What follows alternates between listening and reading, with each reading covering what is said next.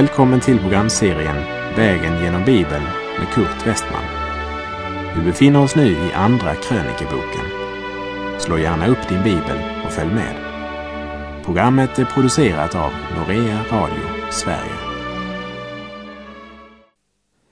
Välkommen till en vandring genom Andra krönikebokens femte kapitel som fortsätter och berättar hur förbundsarken flyttas från tältet i Jerusalem, Davids stad och till templet. Därmed är brännofferaltaret och arken med sitt lock, nådastolen, nu åter på samma plats. Allt som hör till gudstjänsten är nu samlat på Moria berg. Och vi får höra om hur Herrens härlighet uppfyller templet. Vi läser i Andra krönikerbok kapitel 5, vers 1 och 2. Sedan allt det arbete som Salomo lät utföra för Herrens hus var färdigt förde Salomo dit in vad hans fader David hade helgat åt Herren, silvret, guldet och alla kärlen. Detta lade han i skattkamrarna i Guds hus Därefter samlade Salomo de äldste i Israel, alla huvudmännen för stammarna, Israels barns familjehövdingar i Jerusalem för att hämta Herrens förbundsark från Davids stad, det är Sion. När templet är byggt så förs också Herrens ark dit och alla Israels män samlade sig hos kungen under den högtid som firades i sjunde månaden. Vi läser vers 4 och 5. När då alla de äldste i Israel hade kommit till platsen lyfte leviterna upp arken och de hämtade arken och uppenbarelsetältet dit upp tillsammans med alla heliga föremål som fanns i tältet. De levitiska prästerna hämtade det dit upp. Endast leviterna kunde bära arken och du kan lita på att David hade berättat för sin son Salomo om den gången då David försökt flytta arken utan att göra det på Guds sätt. Och vi ser att Salomo följer Guds ordning och han väntar tills alla Israels äldsta är där för att delta i det som sker. Och de ser när de levitiska prästerna kommer med arken. Vers 6. Och kung Salomo stod framför arken tillsammans med Israels hela menighet som hade samlats hos honom och de offrade därvid småboskap och fäkreatur i sådan mängd att det inte kunde överblickas eller räknas. Tanken här är att eh, det gjordes inget försök på att räkna dem eftersom det representerar Kristi gränslösa offer och det är så stort att det kan inte mätas, räknas eller beskrivas och vi läser verserna 7 till och med 9. Och prästerna bar in Herrens förbundsark till dess plats i husets kor i det allra heligaste, till platsen under kerubernas vingar. Keruberna höll nämligen sina vingar utbredda över den plats där arken stod, så att arken och dess stänger upp till täcktes av keruberna och stängerna var så långa att deras spetsar som sköt ut från arken tydligt kunde ses framför koret. Men de var däremot inte synliga längre ut. Och den har blivit kvar där ända till denna dag. Intill denna dag refererar naturligtvis till den dag då andra krönikeboken blev skriven. Arken blir ju tillverkad under ökenvandringen och buren med dag för dag under de år de vandrade runt i öknen. Och arken var buren först i tåget. Det var arken som gick först över Jordan in i löfteslandet Och efter att folket kommit in i landet så fortsatte man att föra arken runt. Du kanske minns att den till och med blev rövad bort en gång av filisterna. Men efter en tid så sände de respektfullt arken tillbaka. David hade fört arken upp till Jerusalem där den förvarades i tält till dess att templet blev färdigbyggt. Och nu hade alltså stunden kommit och arken placeras i det allra heligaste. Och stängerna tas ut, för eh, den ska aldrig flyttas mer. Och Israels män ska komma till templet tre gånger årligen. Påskhögtiden, pingst och lövhyddohögtiden. Det betyder i praktiken att de tre gånger årligen ska komma till dessa högtider och träda in i det tempel där arken är. Och som du minns talar arken om Kristi person. Ovanpå arken var locket som kallas för nådastolen och som talar om Kristi frälsningsverk. Han utgav sitt blod. Han är vår försoning och det står evigt fast. Men nu har han trätt fram en gång för alla vid tidernas slut för att genom sitt offer utplåna synden, som det står i Hebreerbrevet 9.26. Det är det grundläggande och det är permanent. Och låt oss använda den bild som arken trots allt är Stängerna till att bära arken har nu tagits ut. Arken ska inte flyttas mer. Det finns ingen annan väg till frälsning. Därför säger också Petrus i Apostlagärningarna 4.12. Hos ingen annan finns frälsningen. Inte heller finns det under himlen något annat namn som givits åt människor genom vilket vi blir frälsta. Grunden är lagd en gång för alla. Bärstängerna har tagits ut ur arken. Den ska aldrig flyttas mer. Men att bärstängerna tas ur, det talar också om vila. Herren Jesus ger vila till den som kommer till honom. Hos honom finner du en viloplats redan här i tiden och så väntar det en evig sabbatsvila på trons folk. I Johannes 14.2 säger Jesus I min faders hus finns många rum. Om det inte vore så skulle jag då ha sagt er att jag går bort för att bereda plats åt er. Och om jag än går bort och bereder plats åt er skall jag komma tillbaka och ta er till mig, för att ni ska vara där jag är. Det är Kristi eviga rike. Och detta rike kännetecknas av att det består för evigt. I Johannes uppenbarelse kapitel 21 och vers 4 står det. Och han ska torka alla tårar från deras ögon Döden ska inte finnas mer och ingen sorg och ingen gråt och ingen plåga. Ty det som förr var är borta. Ja, så blir det i Guds stad och den är evig. Och i kapitel 21, vers 22 i Johannes uppenbarelsebok står det Något tempel såg jag inte i staden Ty Herren Gud, den allsmäktige och Lammet är dess tempel. Staden behöver inte ljus från sol eller måne, ty Guds härlighet lyser upp den och dess ljus är Lammet. Arkens stavar har dragits ur. Han eh, kallar oss inte till en ökenvandring och du behöver inte resa världen runt för att finna Gud. Därför skriver också Paulus till församlingen i Rom i Romarbrevet 10, verserna 6 till och med 8.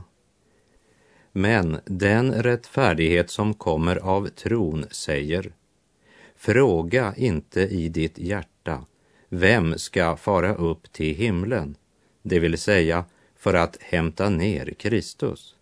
Eller vem ska fara ner i avgrunden, det vill säga för att hämta upp Kristus från de döda? Vad säger den då? Ordet är dig nära, i din mun och i ditt hjärta, nämligen trons ord som vi predikar. Ordet är dig nära och i ordet vill han möta dig och där kan du finna ro för din fridlösa själ.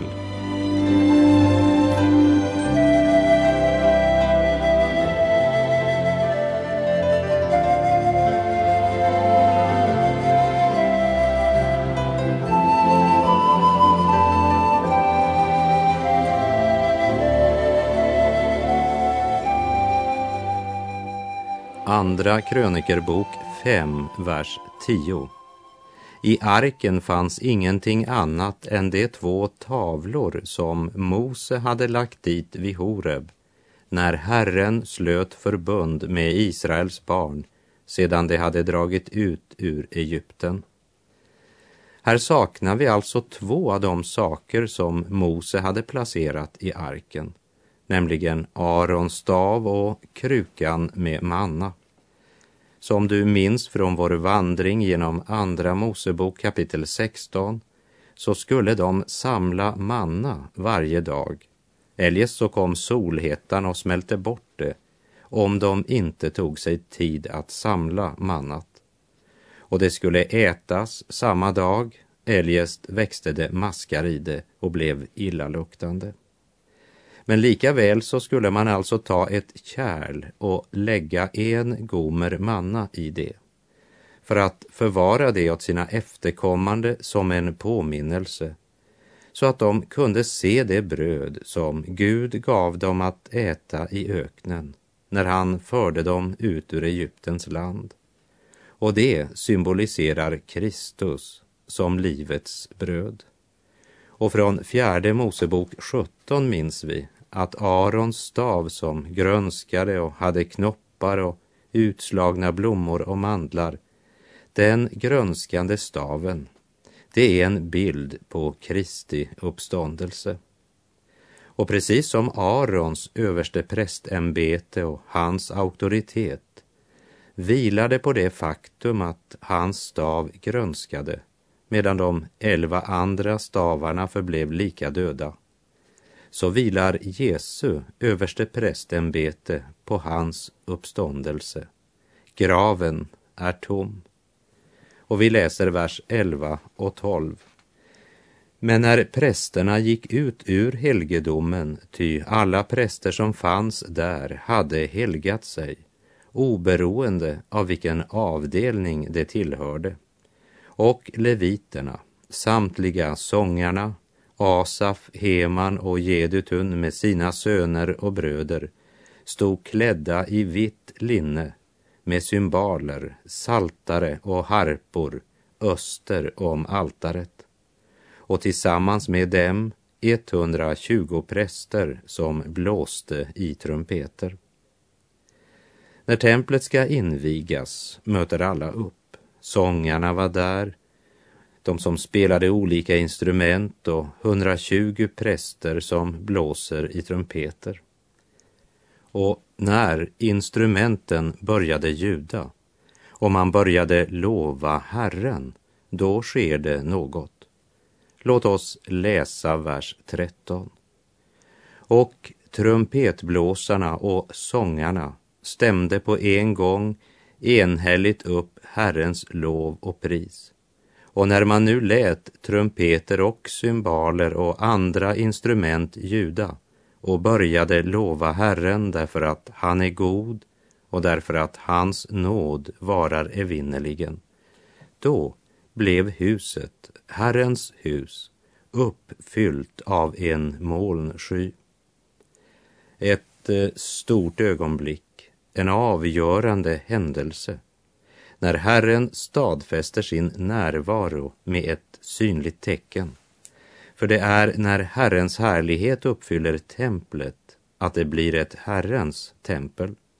För alla utsmyckningar och allt guld och cederträ och all yttre glans kunde ju inte sätta människan i förbindelse med Gud.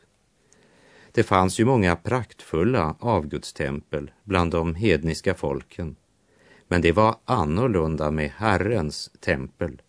Skillnaden var att Herrens härlighet uppfyllde templet.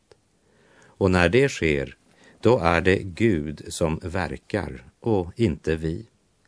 Huset blev uppfyllt av en molnsky och vers 14.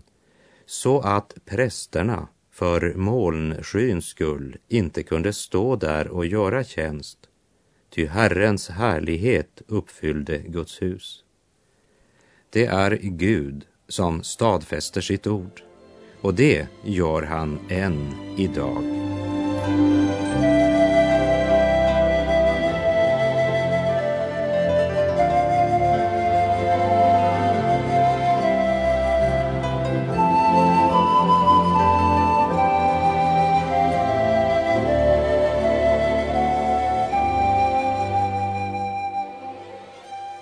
Fortsätter vår vandring med att se på Salomos tacksägelse och hans fantastiska budskap till folket. Andra krönikerbok 6, verserna 1 till och med 6. Då sade Salomo, Herren har sagt att han vill bo i töcknet, men jag har byggt ett hus till boning åt dig och berett en plats där du må förbli till evig tid. Sedan vände kungen sig om och välsignade Israels hela församling, medan Israels hela församling förblev stående. Han sade, lovad vare Herren, Israels Gud, som med sina händer har fullbordat vad han med sin mun lovade min fader David, när han sa, från den dag då jag förde mitt folk ut ur Egyptens land har jag inte i någon av Israels stammar utvalt en stad för att i den bygga ett hus där mitt namn skulle vara. Jag har inte heller utvalt någon man till att vara en förste över mitt folk Israel. Men jag har nu utvalt Jerusalem för att mitt namn ska vara där och David har jag utvalt till att råda över mitt folk Israel. Här återfinner vi Salomos ord ifrån Första Kungabok kapitel 8, men med några korta förklaringar i tillägg. Och det sägs mycket klart att Gud har valt Jerusalem. Låt oss aldrig glömma det. Vers 10 och 11. Och Herren har uppfyllt det löfte han gav Ty jag har kommit i min fader Davids ställe och sitter nu på Israels tron, som Herren lovade. Och jag har byggt huset åt Herrens, Israels, Guds namn.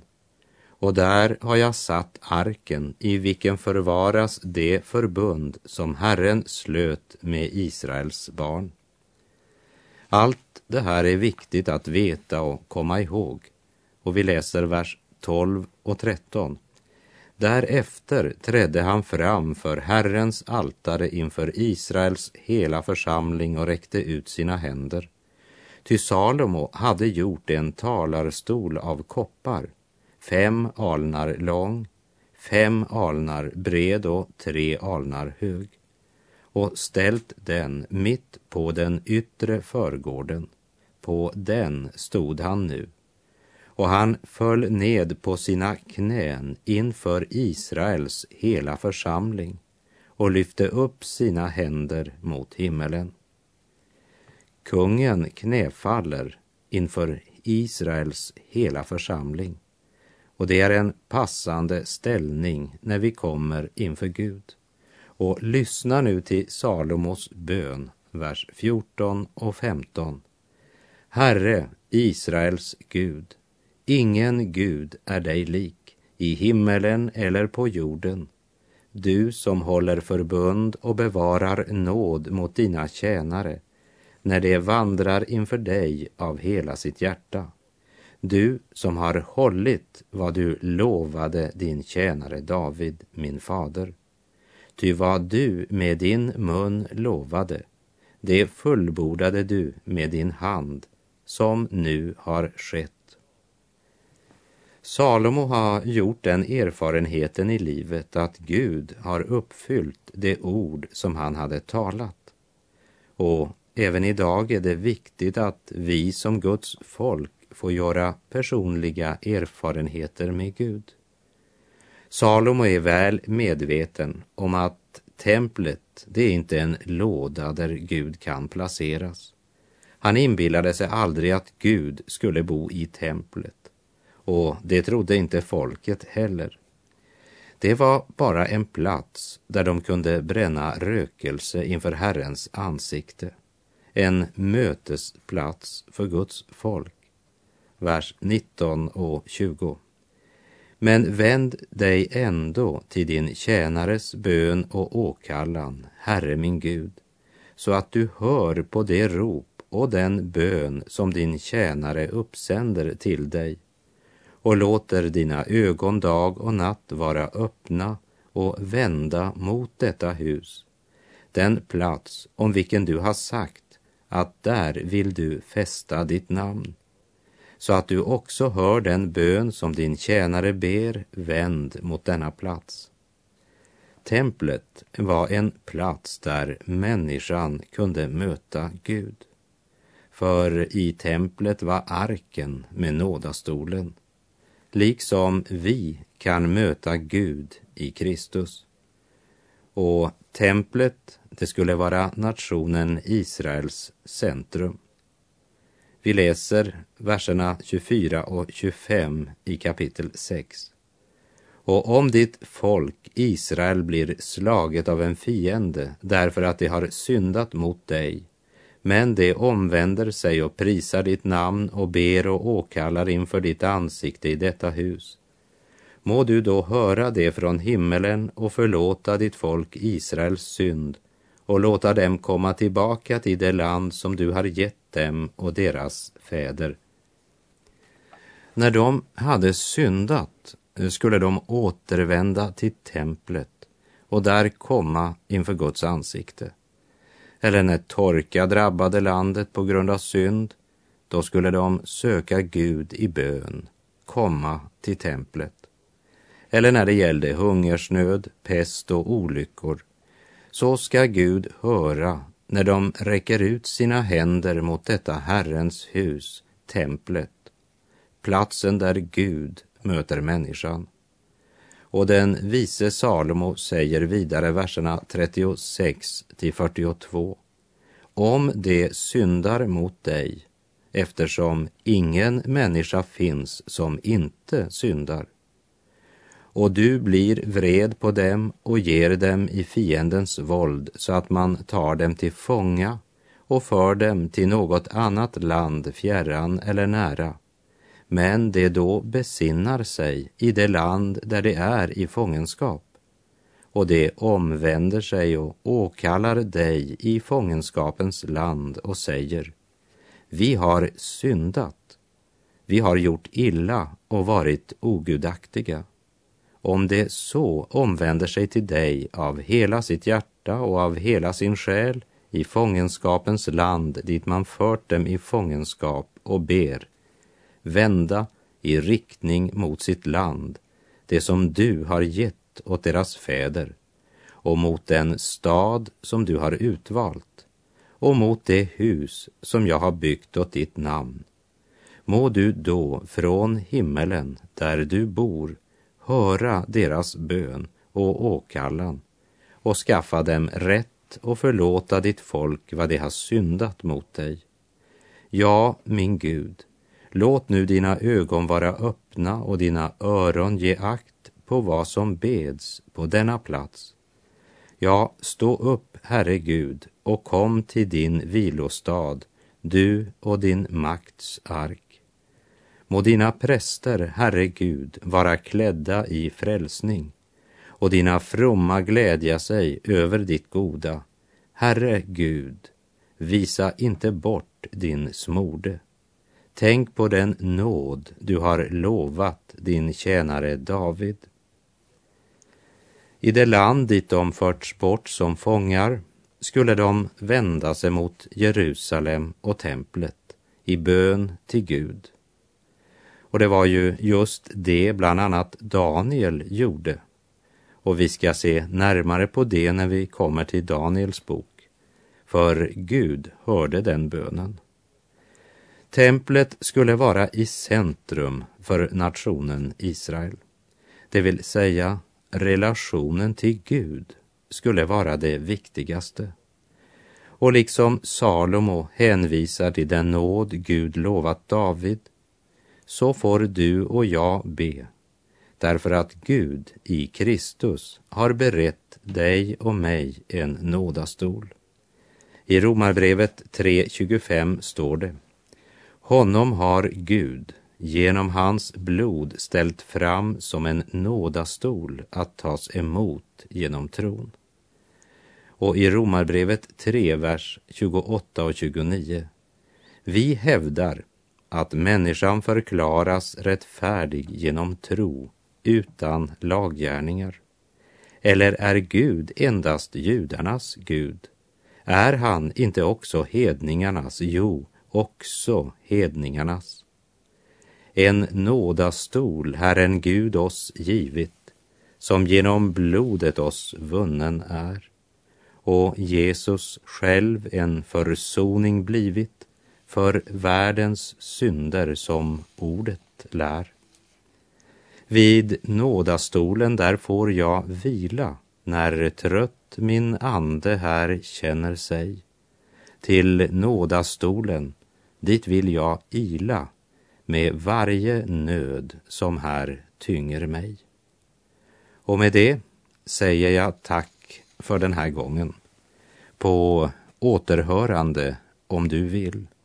Herren vare med dig och må hans välsignelse vila över dig. Gud är god.